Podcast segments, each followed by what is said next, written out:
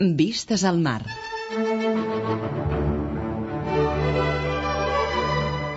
Vistes al mar. Una mirada als nostres músics.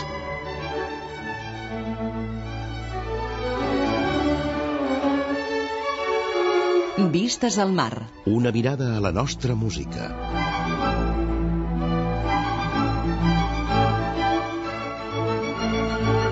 Vistes al mar. La música i els músics que han fet història al nostre país. Vistes al mar. Un programa realitzat i presentat per Xavier Xavarria. Bona nit i benvinguts a una nova edició de Vistes al Mar, el programa que Catalunya Música dedica a la música catalana, a la música i als músics que han fet història al nostre país. Per començar, rebeu una cordial salutació dels que fem el programa d'avui, Rosa Silloé, a les vies de so, i qui us parla, Xavier Xavarria. Enguany, el 2008, se celebra el centenari del naixement d'un compositor cosmopolita, però d'arrels catalanes, Joaquim Nin Colmell. El mes de febrer passat ja li vam dedicar una altra edició del programa, però ara ens ha vingut de gust tornar a parlar-ne, aprofitant la vinentesa de l'estrena al Teatro de la Zarzuela de Madrid de la seva òpera La Celestina i de l'exposició que a partir de la setmana que ve es podrà veure al Palau Moja de Barcelona. I a més, hem volgut convidar quatre persones que el van conèixer personalment i ens en podran explicar un munt de coses. Serà una magnífica ocasió també per sentir la seva música. Avui, Joaquim Nin Colmell serà el nostre protagonista.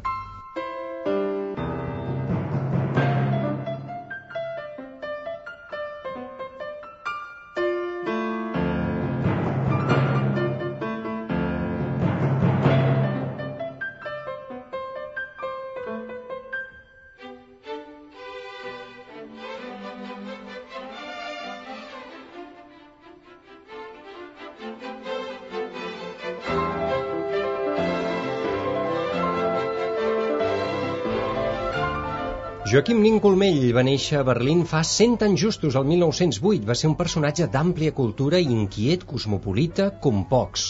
Té una biografia fascinant que comença gairebé amb els seus ancestres, perquè tant el pare, Joaquim Nin Castellanos, com la mare, Rosa Colmell Vorigó, ja es dedicaven a la música. L'un era compositor i pianista i la mare era soprano, una soprano de prestigi.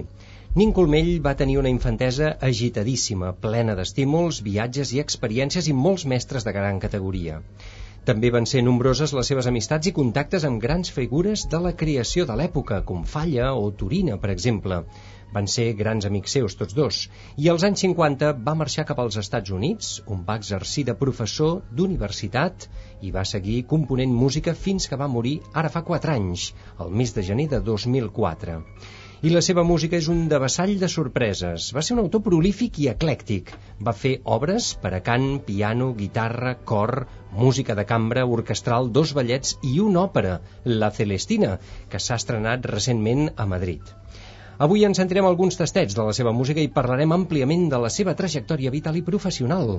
I ho farem amb quatre convidats que en coneixen molts detalls des de punt de vista diversos, perquè tots el van conèixer personalment.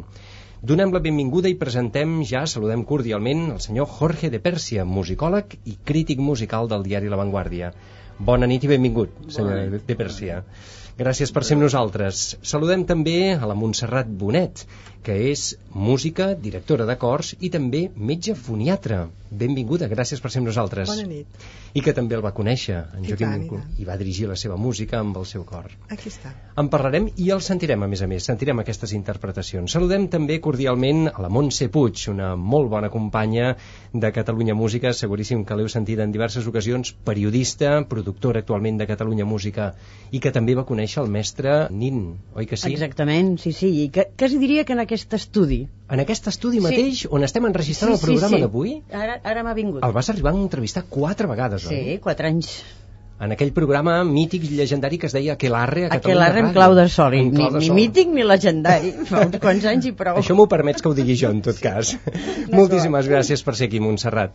I també saludem cordialment a la Mònica Pagès, periodista i també companya de Catalunya Música, que sovint doncs, també aporta les seves col·laboracions. Mònica, moltíssimes gràcies per ser amb nosaltres. Gràcies a tu, Xavier. A més a més, la Mònica ha estat una de les quatre persones que han fet, que han comissariat aquesta exposició de la qual avui també en voldrem parlar i que s'inaugura la setmana setmana que ve. Comencem parlant d'això.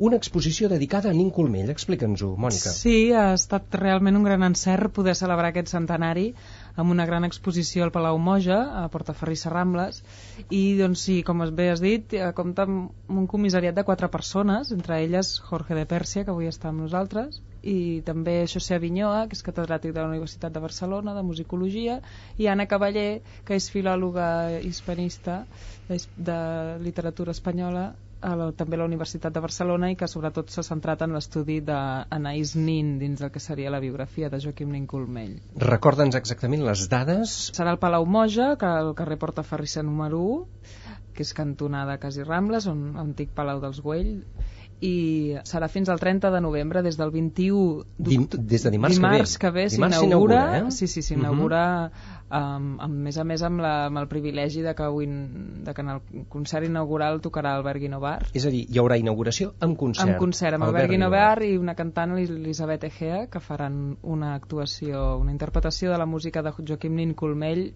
molt especial amb força sorpresa. No se'n pot desvetllar cap, els No. oients que tinguin ganes d'anar-hi. Això serà dimarts que ve, avui divendres, doncs d'aquí quatre dies tindrem l'ocasió de veure-la i fins a finals de novembre, Fins oi? al 30 de novembre, Fins al exactament. 30, al Palau Moja de Barcelona. Senyor Jorge de Persia, què hi veurem en aquesta exposició? És, diguem-ne, d'ampli abast, moltes imatges, molta fotografia, s'hi podrà sentir música, hi haurà molt text, què hi veurem? de tot i um, una imagen de la família Nin, especialment. De la imatge, és a dir, No, també no, pares és i que mares... El títol és la, Els nin, l'arrel de l'art i parteix de la família. Mhm. Eh, Porque es esto que eh, Joaquín Nin siempre decía, que cuando se hablaba de él se acababa finalmente hablando de su familia y sobre todo de su hermana, Anaís y, ah, y su padre. Desde la perspectiva musical, dos figuras importantes. Y Anaís, mm, ya muy reconocida en la literatura y demás. Entonces, pero por otro lado, porque creo que son un, un gran ejemplo de la vida artística de ese momento y, y con esos lazos que Mónica ha establecido también de, de la relación con Cataluña. ¿no? En las memorias de Anaís se ve constantemente esto que el sueño era Barcelona y demás. Entonces, claro, eh, se verá este pequeño recorrido a través de estas figuras muy importantes en, en el espacio exterior y siempre muy, muy ligados a, a Cataluña. ¿no? Joaquín Nin es curioso, eh, ninguno nació aquí. Mm, Cap dels tres germans, eh? Ni el Zorbal, No, no, no. Ni, L'Anaïs, ni Ni, el seu pare, perquè Joaquim ni Nin Castellanos va néixer a Cuba. a Cuba, Sí. exacte. La mare també va néixer a Cuba. Ell va néixer a Berlín, Anaïs va néixer a, A París, París. exacte, A París. i en Zorbal va néixer a l'Havana, Exacte. oi? Sí, sí. Però ell tampoc no tenia la nacionalitat alemanya, tot i haver nascut en Joaquim Nin Colmell, No, que no. Esto siempre se comenta la anécdota que dijo que él había nacido allí mm, porque casualidad. allí estaba su madre y no la podía dejar sola. Entonces, sí, sí, pero era mm, su padre que les llevaba eh, por su carrera, era un gran pianista y pero bueno, eh, tampoco han vivido mucho tiempo en Cataluña y ni siquiera en España. El Joaquín Nin padre era una figura muy importante en el mundo parisino de tiempos de Debussy y de Albéniz y de todo esto. Y orientó a mucha gente, Turina y demás, a Falla, muy amigo de Falla. Y, fue un- un- una gran figura en los salones musicales y demás de, de París entonces. Pero sobre todo los dos siempre remitían sus recuerdos y sus raíces a- al mundo catalán, a la música también, ¿no? De manera que eh, van muy juntos en la vida, en el recuerdo, y creo que, que la idea ha sido muy interesante de tratarlos como una entidad familiar. Per tant, Els Nin. no és una exposició centrada en Joaquim Nin Colmell com a compositor, sinó més aviat... És, és, ell és el protagonista familiar, eh? i, Mhm. i l'espai central i més ampli i tota la documentació més explícita és- és sobre ell. Uh, el que passa que per, per arribar amb ell partim inclús de Salomó, de Tarragona, o sigui, partim dels ancestres de, del segle XVII i, i arribem al 2008 doncs, amb l'estrena de la Celestina. No? Però per arribar amb ell s'ha de fer que, també aquest recorregut, aquest viatge a través de la geografia i a través doncs, d'aquestes dues persones, el pare i la germana, que realment són claus a la seva vida. i a la vocació de Nin Colmell de manifestar-se ell català. El fet de que cada any vingués el Maria Canals fins que va poder, fins que la salut li ho va permetre, feia que mantingués una relació molt estreta i ell s'hi sentia, mm, se sentia català, malgrat parlés un castellà fantàstic i meravellós, i la, la, i la mateixa música ho, és, és una prova més d'aquesta voluntat. Vull dir, no és català aquell que vol, sinó el que se'n sent. Per descomptat, la Montserrat Bonet, a més a més, és una intèrpret de la seva música, que a més a més està enregistrada com a directora d'un cor. Montserrat, explica'ns una miqueta quina va ser la teva relació, la teva coneixença, la col·laboració amb el mestre Nin Colmell. Bueno, és que des de petita ja n'he sentit a parlar la família. Primera cosa, la meva àvia Conxita Badia va col·laborar amb ells, però tant amb la família, amb el pare i amb la mare, perquè la mare va ser la primera, Rosa Colmell va ser la primera professora de cant que ella va tenir a l'escola Marsall, a l'Acadèmia Marsall.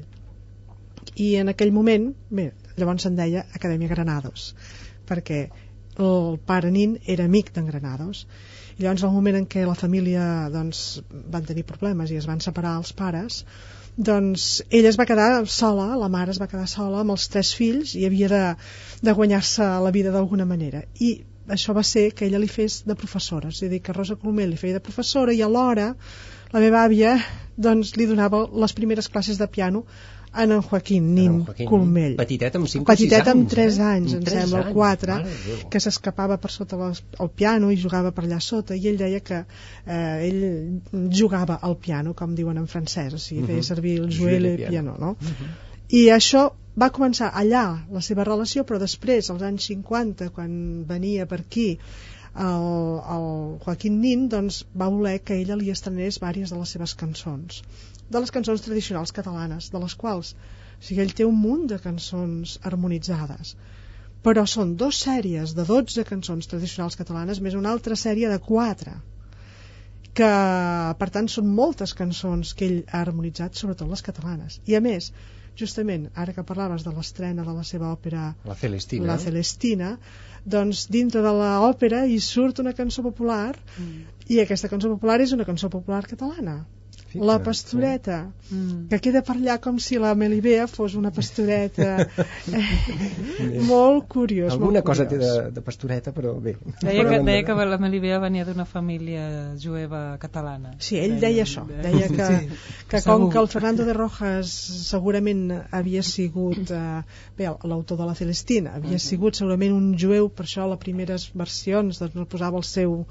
Eh, no citava que ell havia escrit aquesta obra, ell se suposa i, i fa seva la versió aquesta, eh, de que havia sigut un jueu d'origen català i per això li fa cantar una cançó tradicional catalana en l'obra de la Celestina. Però jo també voldria aprofitar per dir que la Mònica és la, la Mònica Pagès és la persona que gràcies a ella s'ha aconseguit coordinar tot això del centenari d'en Joaquín Nin. Mm, Sí, sí, sí. La impulsora. Ja ho he de dir. Sí, sí. Ja ho he de dir ben clar, perquè si no fos per ella tot això de remoure coses, clar, no només ella, no? Però Home, nosaltres devem, jo tinc la sensació que li dec moltes coses a en Joaquín, no? Perquè abans comentaves que hi he dirigit música seva. Sí, és veritat, és veritat. Però gràcies a que ell m'ho va demanar. Per què? Doncs perquè havia de- d'estrenar una obra a França, Comenges, Sant Bertran de Comenges, que era el 2001, havia d'estrenar l'obra pels- pel mil·lenari de la constitució d'aquest monestir al sud de França. I llavors, clar, li havien demanat aquella obra i ell s'havia d'entrenar, perquè era una persona molt meticulosa. Entrenar a què? A composar eh, una obra coral que ell ja havia fet una missa, però s'havia d'entrenar a fer-la. Ell ha tocat poc obres corals, o no és veritat perquè déu nhi ja veuràs Sí, sí, el que té, la però a ell li semblava té, que, eh? no a ell li Mhm. semblava que necessitava entrenar-ho més aquesta possibilitat, d'aquestes ganes que ell tenia de, de, de, de fer-ho sempre millor no? De, de conèixer bé el territori en el, el qual territori. es movia. I llavors, Mhm. en ocasió de la seva neta, no, una neboda neta, que és Tània Juste, que és la, la filla del Lluís Juste de Nin, per al seu casament, va voler que s'estrenés aquesta obra. I per tant vaig tenir la, la sort de que ell em proposés a mi de dirigir aquesta obra doncs, amb el cor que en aquell moment jo dirigia, que era el cor Signum de l'agrupació Cor Madrigal. És aquesta obra, la Missa Brevis, Ah, en honor de Santa Rosa de Lima i del Cristo de Salomó, per a cor i orga, Aquí està. de l'any era- 98, eh? en honor de la seva mare, en record de la seva mare, va començar-la a escriure en record de la seva mare, però és que el seu pare també havia de sortir, o sigui que el Cristo de Salomó havia de sortir. Havia de sortir, peti que peti, ja ho crec. Doncs, si us sembla, és un moment oportú per escoltar el Kyrie, el primer fragment dels quatre que integren aquesta missa brevis en honor de Santa Rosa de Lima i del Cristo de Salomó per a cor i orga, en aquest cas, una obra de Joaquim Nincolmell, però interpretada pel cor de Cambra Diapasson, dirigit per Montserrat Bonet, la nostra convidada d'avui, i acompanyat també a l'orga per David Malet. Sentim-lo.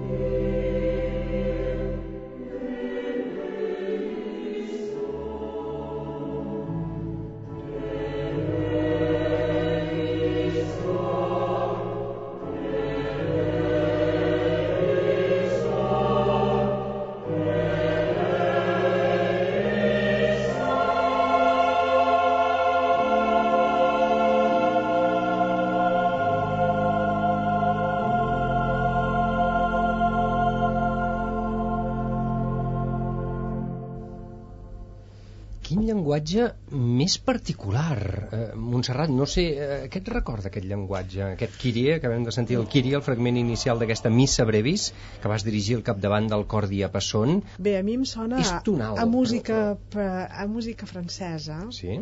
però amb un caire, diguem-ne, particular, eh?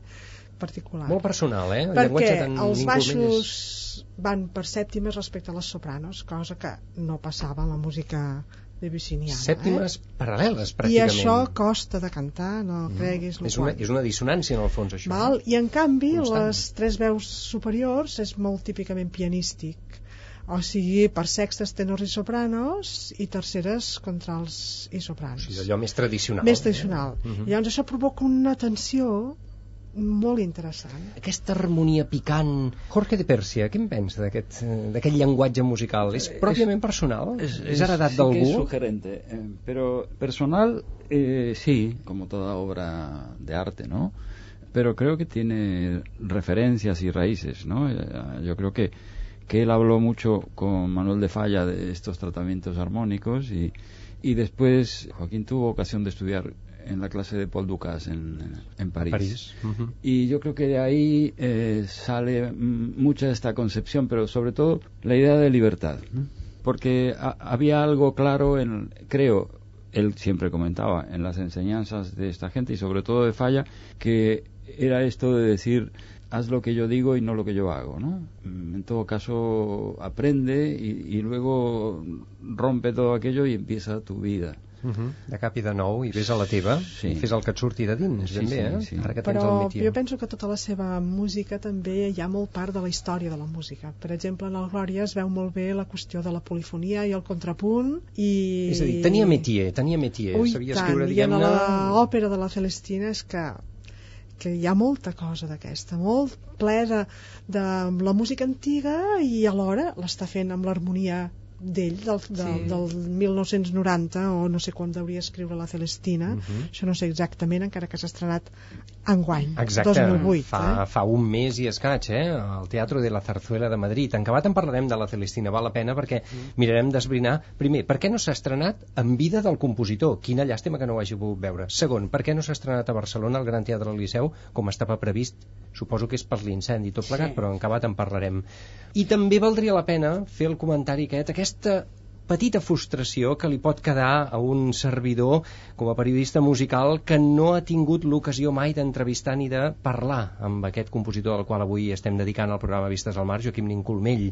Són d'aquelles coses que dius se't va morir i no vas arribar a entrevistar-lo mai. És una petita frustració que en canvi no té una de les nostres convidades d'avui, és la Montserrat Puig, quatre vegades a la Quelarre musical, oi? Sí, quatre o més, sí. A veure, Qui vas jo... trobar al davant? Un personatge Ah, sí. fascinant, no? Ens jo crec comentat. que a mi em va seduir en la roda de premsa del Maria Canals llavors amb l'excusa de ser jurat el vaig convidar al- al- als Aquelarres els anys seguits que va venir poden ser quatre, poden ser cinc començàvem, l'excusa era el Maria Canals Estem parlant de quins anys, Montse? Mm, Montse? del 87, 88, 89, 90... Me'n recordo de, del 2001, d'aquesta estrena del monestir, perquè m'ho va comentar ell. A veure, eh, és un personatge fascinant, o sigui, càlid, savi, eh, que deixava parlar la gent i quan ell deia coses te les escoltava. Vull dir, et, et servien. Modestament, jo també he fet alguna coseta per ell. Eh, va ser eh, li vaig dir tenim obra seva aquí a la ràdio i li vaig presentar el Jesús Rodríguez Picó en aquell moment era, i a partir d'aquell moment tot Era el director, permet-m'ho, era el de director Catalunya de Catalunya Música, Música, en aquella sí, època, sí. la primera època de Vull dir, Catalunya Música, ara fa 20 i, anys. I li va semblar molt bé i va haver un intercanvi i per això la discoteca nostra té obra. Mhm. És una petita aportació que jo penso que val la pena perquè, clar, un compositor, si no tens obra, com, com Sembla que no existeixi, oi? No, com, no, no. I, Clar. i no, no Mhm. hi havia gairebé res. La resta de, de coses que dèiem a l'entrevista era molt reiteratiu el tema, perquè jo li treia i ell eh, el tema pare, eh, l'efecte que tenia per la seva germana. Clar, a mi també fa, això em va fer molta gràcia com a feminista.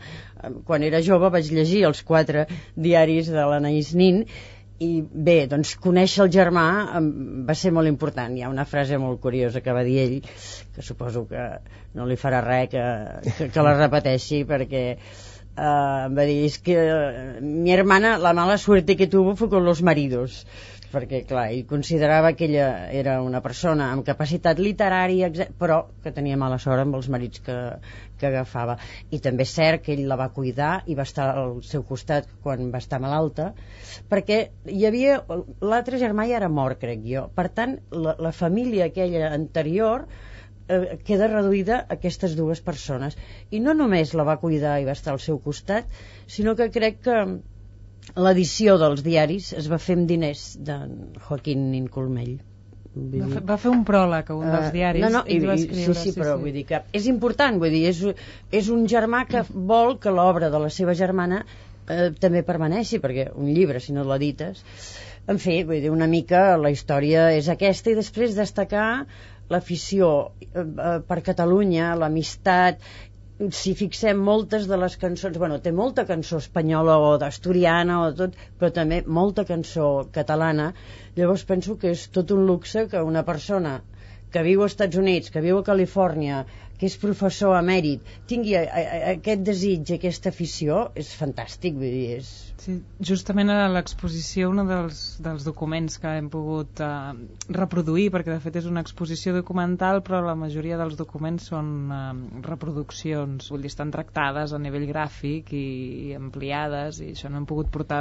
Hi ha algun original, però no tots. Justament gràcies a Montserrat Bonet podem disposar d'un manuscrit original, que realment és la icona emblemàtica d'aquesta exposició però anava a dir que, que és molt bonic veure doncs, com en els arxius de la Universitat de Califòrnia on ell era catedràtic A Berkeley, no? a Berkeley, Mhm. sí, ara es diu Riverside, doncs eh, eh, hi han el, els programes de mà dels, dels concerts homenatge a Frederic Montpou, que va fer ell als anys 60, després també a Pau Casals, eh, en fi, o sigui, veies com ell realment... Eh, Era un ambaixador de la- de la sí, música un- catalana als Estats als Estats Units. Units, i tant, i tant. Va Ell, fer... era, ell promovia aquests Promo- concerts o fins i tot tocava? Promovia perquè era un i- excel·lent pianista. que els organitzava i els tocava, vull dir, ja és això, veureu que, que hi ha un cartell amb les quatre barres, inclús no? homenatge a Frederic Montpou en anglès, no? I, uh -huh. i amb interpretació de la seva obra i doncs també això, el que va fer als anys 60 per Pau Casals i bé, doncs hi ha constants al·lusions a, a aquesta,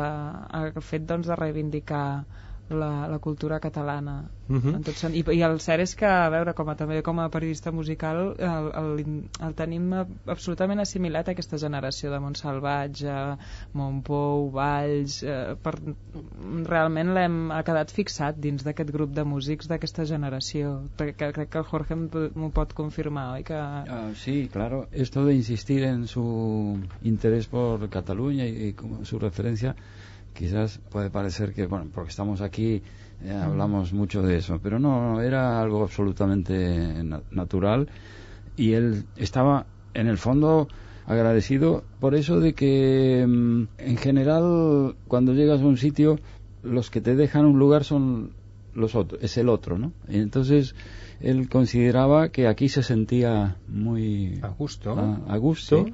y él andaba por distintos sitios, vamos, que no era y entonces reconocía esto sobre todo en sus grandes amigos Soldrá, Monsalvache, sí. eh, Monpou, y que los, eh, bueno, se consideraba como parte de ese grupo y nos consta que cuando en alguna ocasión eh, les hemos visto juntos con Monsalvache y demás eran realmente mm, colegas de siempre, ¿no? Y, y él se sintió muy parte de esto, porque claro, seguramente iba por otros mundos donde las relaciones humanas son diferentes y aquí había esta, este calor. Se sintió acogido. Però en cap sentir... moment va sentir la petitesa, les estretors que tradicionalment eh, s'han viscut en aquest país, en el món cultural. És a dir, sí, jo m'imagino un senyor curiós, que no? està tan ben reconegut als Estats Units, que ha nascut a Alemanya, que ha viscut a l'Havana, que, que té casa a París, que és un personatge tan cosmopolita, què hi fa a Catalunya? Tothom s'hi sent més aviat estret aquí, des del Bé, punt de vista cultural. Jo podria no sé, dir eh? que en l'exposició una de les coses que surt, a més a més de les partitures mm. o, o de qüestions gràfiques, etc, hi ha també un DVD que jo vaig tenir la sort de poder gravar una classe de les que ell feia de manera habitual masterclass a l'Acadèmia Marçall llavors ell cada any venia a fer o durant un temps, no? classes de piano sí. i en aquella, aquell dia doncs vam tenir la sort doncs, que hi havia l'Alicia de la Roig i tota, les, tota la plantilla de professores mm. de l'acadèmia a primera fila Caram. i per raons de la meva tia que és eh, Carmen Agustí que era professora de l'acadèmia em va dir sobretot eh, avui no faltis. Vine sisplau a gravar-me. I jo vaig deixar tot el que tenia aquell dia i vaig anar allà amb la meva pobra filmadora de vídeo domèstica. Perquè això parlem de quin any aproximadament? Uns 94 Sí, això, gràcies. Sí, 94 I llavors ell explica en aquest vídeo jo, jo després l'he passat a DVD i he, he triat els fragments més interessants. I ell explica la seva relació amb Barcelona i per què mm. en allà, doncs, qui vulgui anar-ho a sentir el sentirà Ah. de la seva pròpia veu, veu, i a més sí, a més sí. amb els seus comentaris tan Enginyosos, eh? irònics però amb una ironia molt fina i, i per exemple li diuen en allà, ai Joaquín, ¿no quieres sentarte abans de començar a parlar? L'Alicia li diu, ¿no quieres sen sentarte? I ell diu, bueno, diu, si me caigo, pues ja me, ja me sentaré. Ja me recogerà. Ja, sí, o sigui, no, era així, eh? I llavors és molt agradable d'escoltar i a més a més de veure com corregia les seves músiques, les seves tonades, Mhm. el seu, la seva sonata, per exemple, etc que es poden escoltar en aquest DVD i veure. Que es pot veure en aquesta exposició, eh? Sí. Que s'inaugura dimarts que ve. Exactament, està molt bé perquè gràcies justament a aquest document privilegiat, fantàstic que va recollir la Montserrat, doncs, com, doncs eh, dona aquesta imatge de- d'ell, però a més a més està complementat per un reportatge de, que el programa Nídia emetrà aquest diumenge a les 9 del vespre pel canal 33 Mm. en el seu programa habitual. És un reportatge fet a Joaquim Nin en el qual també es podran veure les entrevistes que han fet a Montserrat Bonet i a Jorge de Pèrsia parlant d'ell i gràcies doncs, a, això, a Jordi Lara, director del programa Nídia doncs aquest, eh, aquest reportatge es visualitza, es visualitzarà, es projecta també a l'exposició eh, juntament amb, amb una edició que han fet ells de la, de, de la gravació completa que dura, molt, dura un parell d'hores em sembla la que vas fer No, de... jo vaig fer una, una Bueno, reducció fer una a 50 reducció. minuts. Exacte, però ells n'han fet una altra per, per, bueno, perquè seria però realment un documents molt interessants. Mm. Evidentment hem parlat de la seva ascendència catalana, tot i que no hi va néixer, però segur que també portava sang cubana a les venes. Eh? I ara ho podrem constatar. Montserrat, eh, ens has eh, suggerit d'escoltar Donde està Mateodora, una cançó per a cor mixta capella, Una cançó tradicional. Cubana? També, cubana. cubana. I tant, i, i bueno, a la pobra senyora Teodora aquesta li passava de tot i li donaven palos i li donaven això, i llavors això es veu en, en la música, eh? aquesta la dona que no sabia què fer, com, com sortir-se'n i ella, ai, Mateodora i, i anava, anava per tot arreu bueno, és una mica i és una cançó amb molta energia, amb molta energia que el cor dia Passon realment se'n surt molt bé de fer-la Mhm, Una cançó composta fa més de 50 anys, als anys 56-57, i inclosa en aquestes cançons tradicionals harmonitzades per a cor a capella. Sentim-la.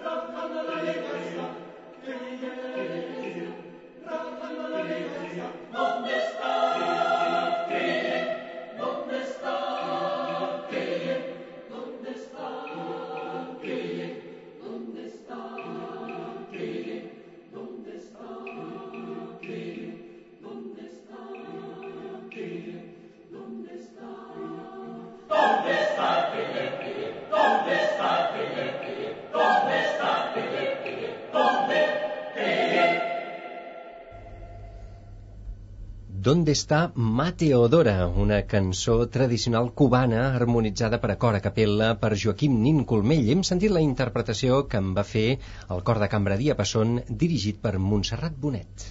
Vistes al mar. Una mirada a la nostra música. Avui dediquem el nostre Vistes al Mar a Joaquim Nin Colmell amb motiu del centenari del naixement, del seu naixement, que es va escaure el 1908. Per tant, enguany doncs, eh, se celebra aquest centenari, en parlem àmpliament i també hi ha, recordem-ho, aquesta exposició a partir de dimarts que ve al Palau Moja, ja ens l'han presentat els nostres quatre convidats que avui comparteixen aquesta conversa als estudis de Catalunya Música, però valdria la pena recordar que ara fa un mes i escaig es va estrenar, podríem dir estrenar, no sé si aquesta és la paraula correcta, l'òpera La Celestina de Joaquim Nin Colmell. Això va ser al Teatro de la Zarzuela de Madrid. I vau ser presents alguns de vosaltres, oi que sí, Mònica? Sí, la Montserrat també hi era. Mhm. això mateix, totes dues 19 de setembre va ser això? sí? 19 de setembre, I es sí, van sí. fer 5 funcions, si no tinc Exacte. mal entès. Mhm. Què tal, com va anar? Oh, jo vaig trobar que això d'arribar a Madrid amb una placeta petiteta Sí. allà davant, tot de gent molta, o sigui, vam arribar mitja hora abans per, per, per ser-hi Sí. amb tranquil·litat i això aquí no passa, tu Ple, hi havia, hi havia una, una ebullició bueno, per què? No Perquè passa per què, què vols dir? Que aquí anem Vull més dir- per feina, arribem 5 minuts abans No i no sé, xerrem jo amb el del costat? O com va? Jo això no ho sé, però suposo perquè era el primer dia de la temporada Sí.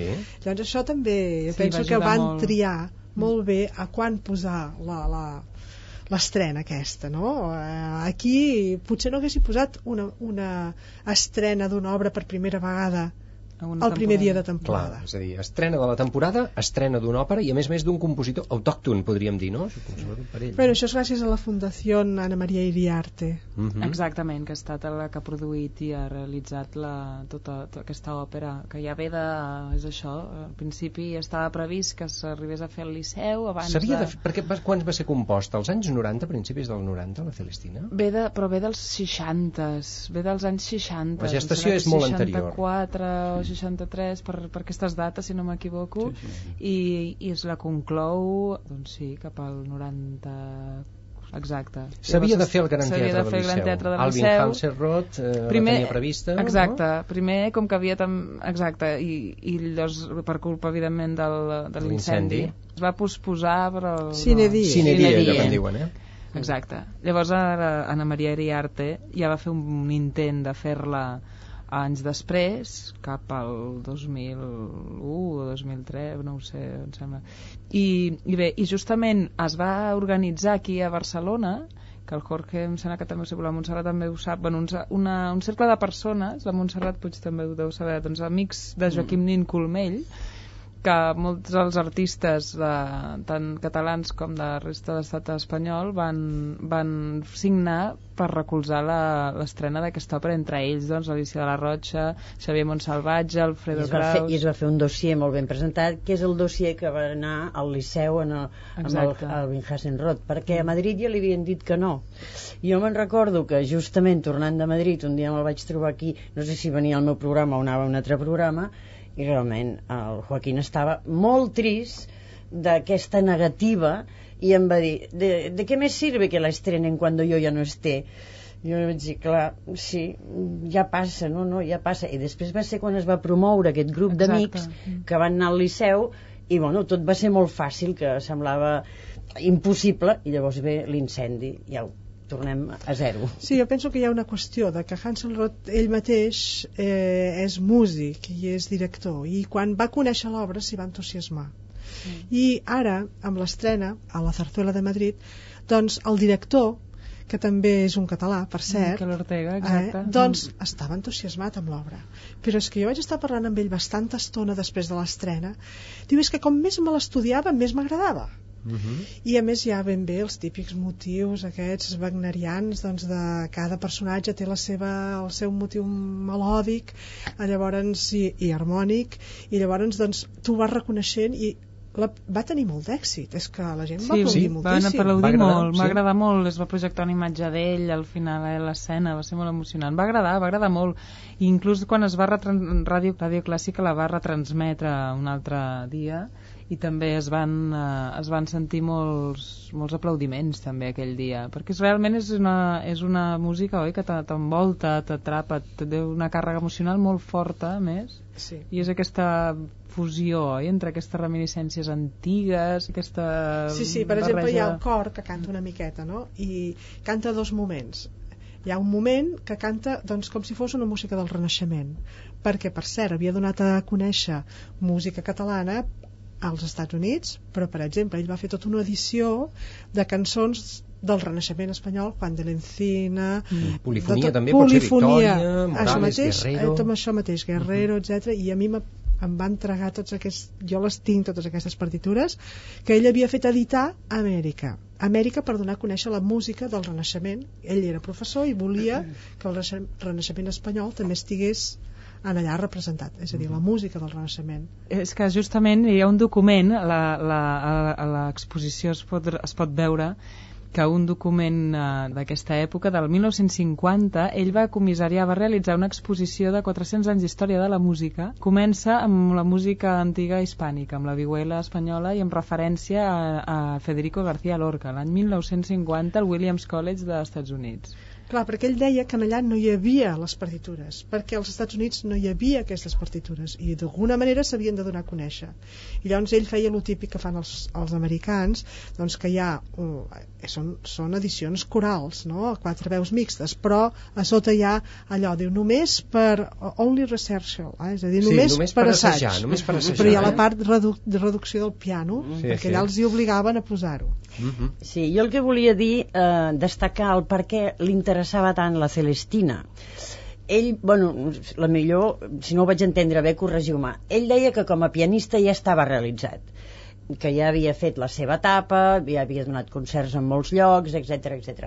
La docència l'omplia, però com a compositor no et consagres si no tens una òpera i per tant eh, doncs era molt important consagrar-se i que ho veiés, no que no ho veiés I tant, i tant. I al final no ho va poder veure, No. perquè aquesta Celestina no, No. no havia sonat mai abans d'aquestes funcions al Teatre de la Zarzuela, oi? No, exactament, no havia sonat mai. Realment tristíssim. Hemos vivido esos tiempos de, de desilusión con él en particular y en uno de esos viajes a Madrid, en Barcelona, Madrid, que hemos ido juntos a actividades, eh, conferencias, pequeños conciertos explicados y eso en la residencia de estudiantes, por ejemplo, pero uno de esos viajes empezó a perder la vista eh, precisamente por, estas dificultades que se le planteaban de que se proponía el estreno de la ópera, pero luego, ah, no sé, la No se concretaba en, nunca. en un teatro de, de Colmenar Viejo, o Mm. no sé, y no había forma de sacar eso adelante. Y la desilusión fue muy grande, fue el comienzo, creo, de su Quan ja, ja, ja tenia una edat etapa. avançada, Mm. per això Sí, sí. també. Sí, i tant, jo me'n recordo quan va fer 90 anys, exacte que el va fer, el va venir a celebrar a casa de la, de la meva mare. I en allà vam fer tota una festa, que va venir el Jorge de Pèrsia també aquell dia, i vam Mm. estrenar, i la Mònica també Jo vaig conèixer el Jorge de Pèrsia en aquella En celebració. aquesta celebració, això era Dels 90 exactament anys. quin dia havia de ser això? Home, bueno, Sí, doncs el no sé, 5 de setembre. 5 de setembre Sí. del 1998. 1998, sí. Diguem-ne que allà us vau conèixer, vau compartir aquella, aquella vetllada. I tant, i tant. Sí, I què, sí. què ens expliques d'aquell dia? Amb ell Bueno, present. Bueno, que jo em vaig atrevir a fer un cànon per aquell dia, és a dir, a compondre un cànon per Mhm. uh Sí, celebrar interpretar. els seus 90 anys, eh? Sí. Perquè, i ell va trobar-ho molt divertit. Que perquè nosaltres, això, sempre que celebrem hem de cantar, no? I a la meva família això és, és essencial. I mira, va ser molt agradable, hi va venir bastanta gent i, i, però no només va venir aquell dia, és a dir, venia molts dies a, a, a dinar a casa dels meus pares no? I, i la meva mare em trucava i deia ai, que avui ve el Joaquín ai, doncs corrents, jo també, jo també vinc o sigui, això ho tenia claríssim Sí, sí, sí. i després per Nadal doncs com que també moltes vegades per Nadal era a Barcelona Mm. doncs fins i tot havia vingut a casa meva a celebrar el Sant Esteve Jo justament el vaig conèixer doncs, també gràcies a que la família de Conxita Badia, de la mare de la Montserrat i la seva tia Carmen, doncs um, van donar-me l'oportunitat de fer aquest llibre monogràfic sobre Conxita Badia i llavors doncs la, vaig anar-lo a entrevistar, vaig anar a parlar amb ell com a, com a deixeble de dir que havia estat no? en aquella Barcelona del 1912 i va ser llavors quan el vaig conèixer i és sí, a l'any 96 o 95, sí. I després havia també una anècdota tinc jo de, de després amb el, el contacte amb ell una vegada vaig tenir també la sort de, de vaig organitzar un petit sopar amb ell, l'Alicia i el, hi havia el Ruggero Ricci, el violinista Mm. i ell se'n recordava el mateix Joaquim Nin havia vist Ruggero Ricci en el debut que havia fet de jovenet l'any 25, l'any 28 tocant el Mendelssohn allà sí, sí, era molt, era molt curiós veure'ls allà quan clar s'havien pogut veure els anys 20 a, a Nova York no? Mm -hmm. Déu nhi déu moltes experiències i aquest, aquesta coneixença directa que han tingut tots quatre convidats que avui tenim amb nosaltres al Vistes al Mar de Catalunya Música ens permeten conèixer aquesta dimensió humana també del mestre Joaquim Nin Colmell, del qual enguany se celebra el centenari. Sentim, si us sembla, un altre tastet de la seva música, en aquest cas una de les seves tonades, una del volum tercer, peces per a piano, aquí sentirem la canció asturiana.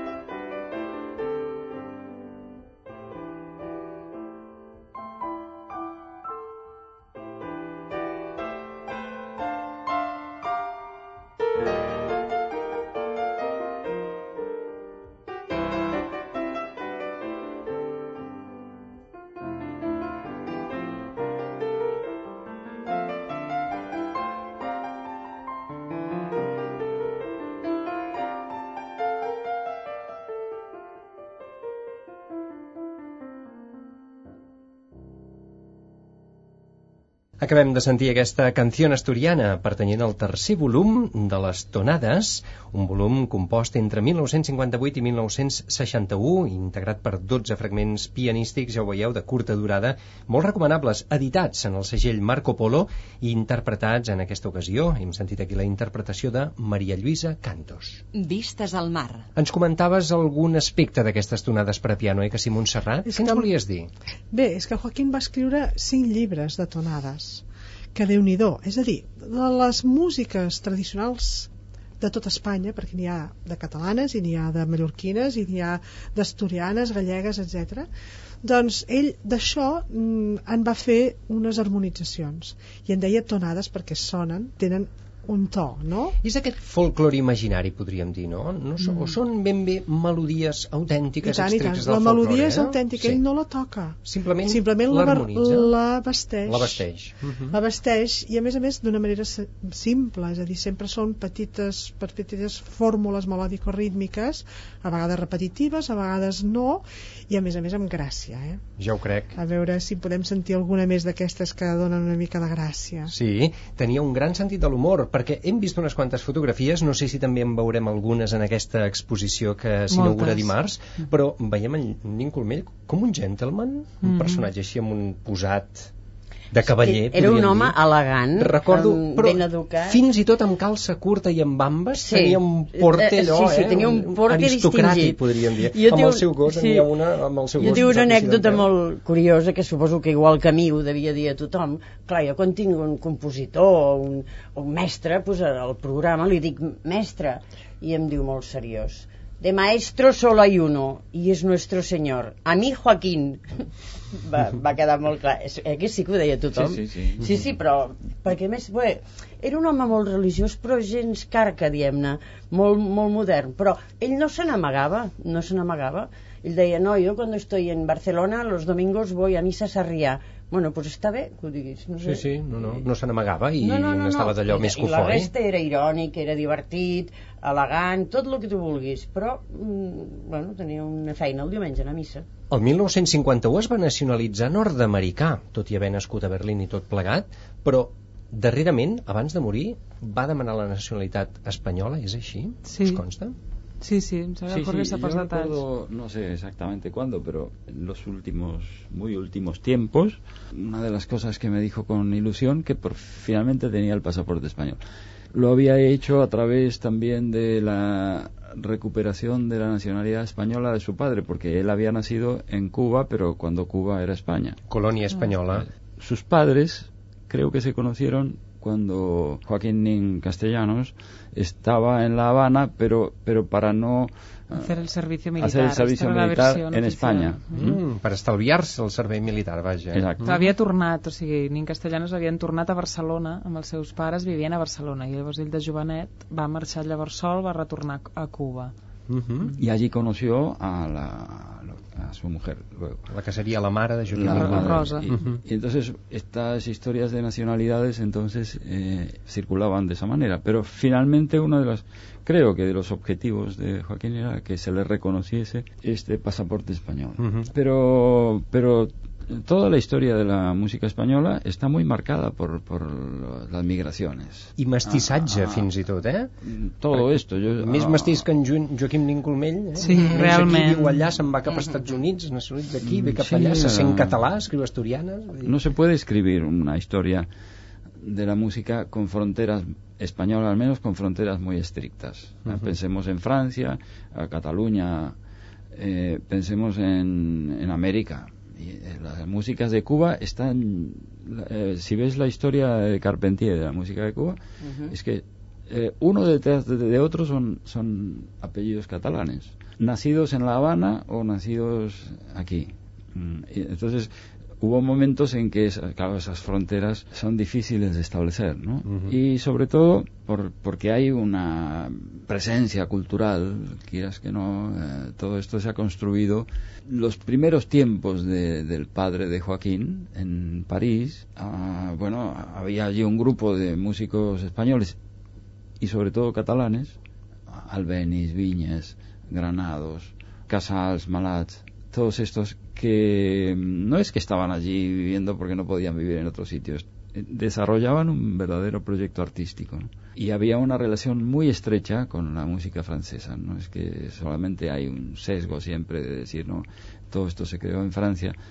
Eh, no, no, ha habido un diálogo muy fuerte. El diálogo Albeniz-Debussy es clarísimo, poco reconocido y poco estudiado, pero bueno, eh, estaba componiendo la suite Iberia y Debussy al mismo tiempo componía la Iberia. ¿no? ellos no eran muy amigos, pero siempre se, se miraban mucho uno al otro. De reull, no? Es devia mirar a veure què fa l'altre. Que... En medio de, Ujú. de todos. Estrenant la, la... La música de Debussy, De de. Ravel, de, I de, de tothom, tots, pràcticament. sí. Sí. Sí. De manera que mm, yo creo eso, eso esto es lo interesante, ¿no? La, la, la, la, la dimensión, ya a partir del siglo XVIII, tiene toda esta música, sobre todo eso, el caso de Albéniz, ¿no? Es clarísimo. Si us sembla, escoltarem també música sinfònica, concertant, en aquest cas de Joaquim Nin Colmell. Sentirem el tercer i últim moviment del concert per a piano i orquestra en do major, Vivo, sobre un tema popular infantil. Eh? Aquí també tornem a tenir aquest ascendent, diguem-ne, de joc, de broma, de popularitat, també podríem dir. El sentirem interpretat, en aquest cas per l'Orquestra Simfònica Nacional de Cuba, dirigida per Enrique Pérez Mesa, i toca el piano Daniel Blanc.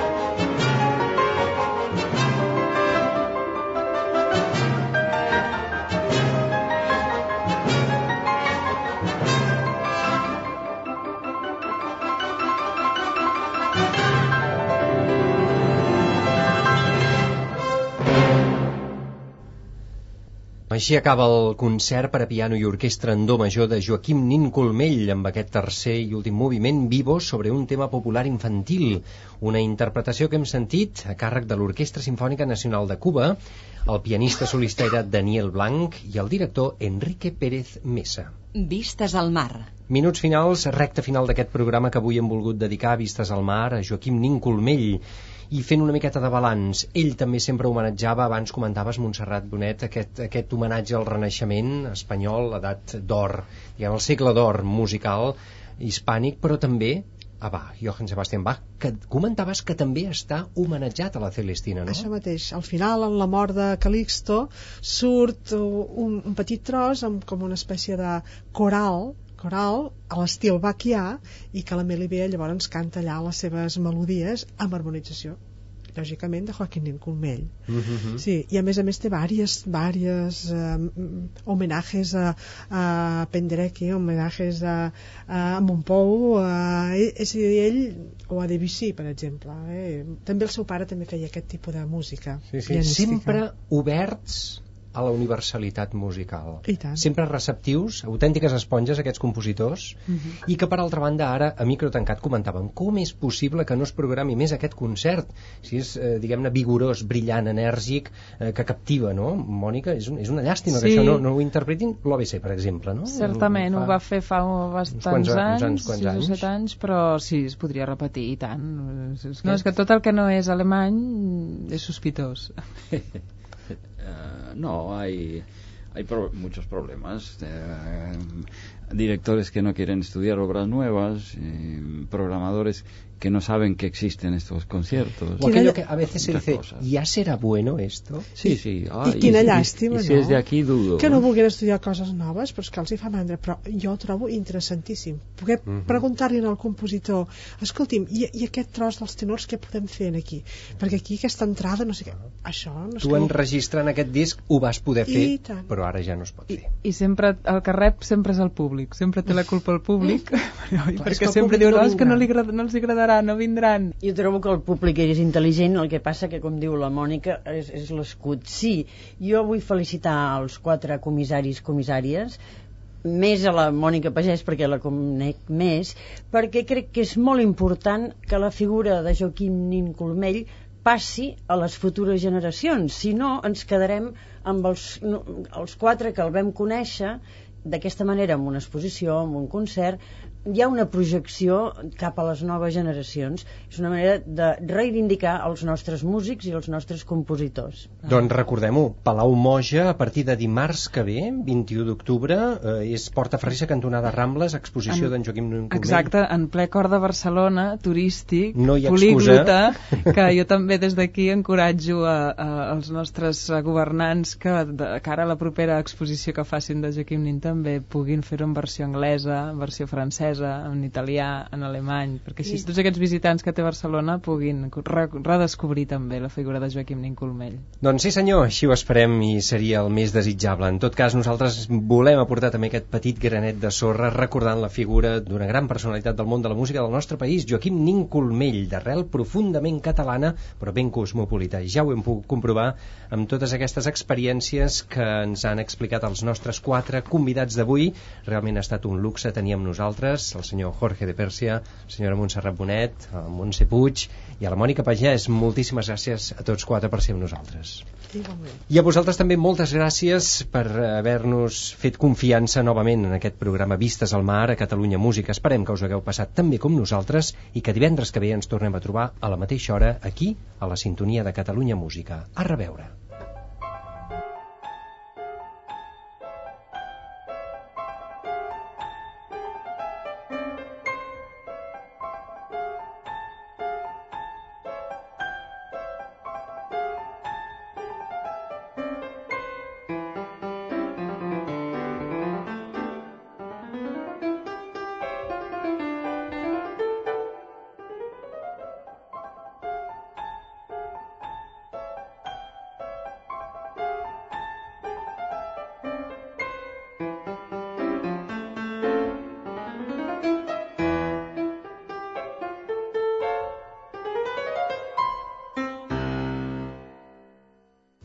Vistes al mar.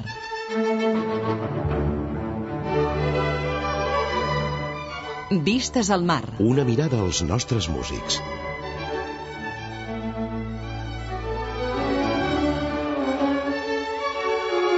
Vistes al mar. Una mirada a la nostra música.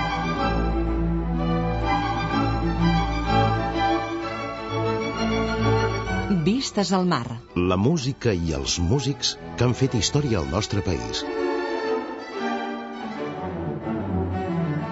Vistes al mar. Un programa realitzat i presentat per Xavier Xavarria.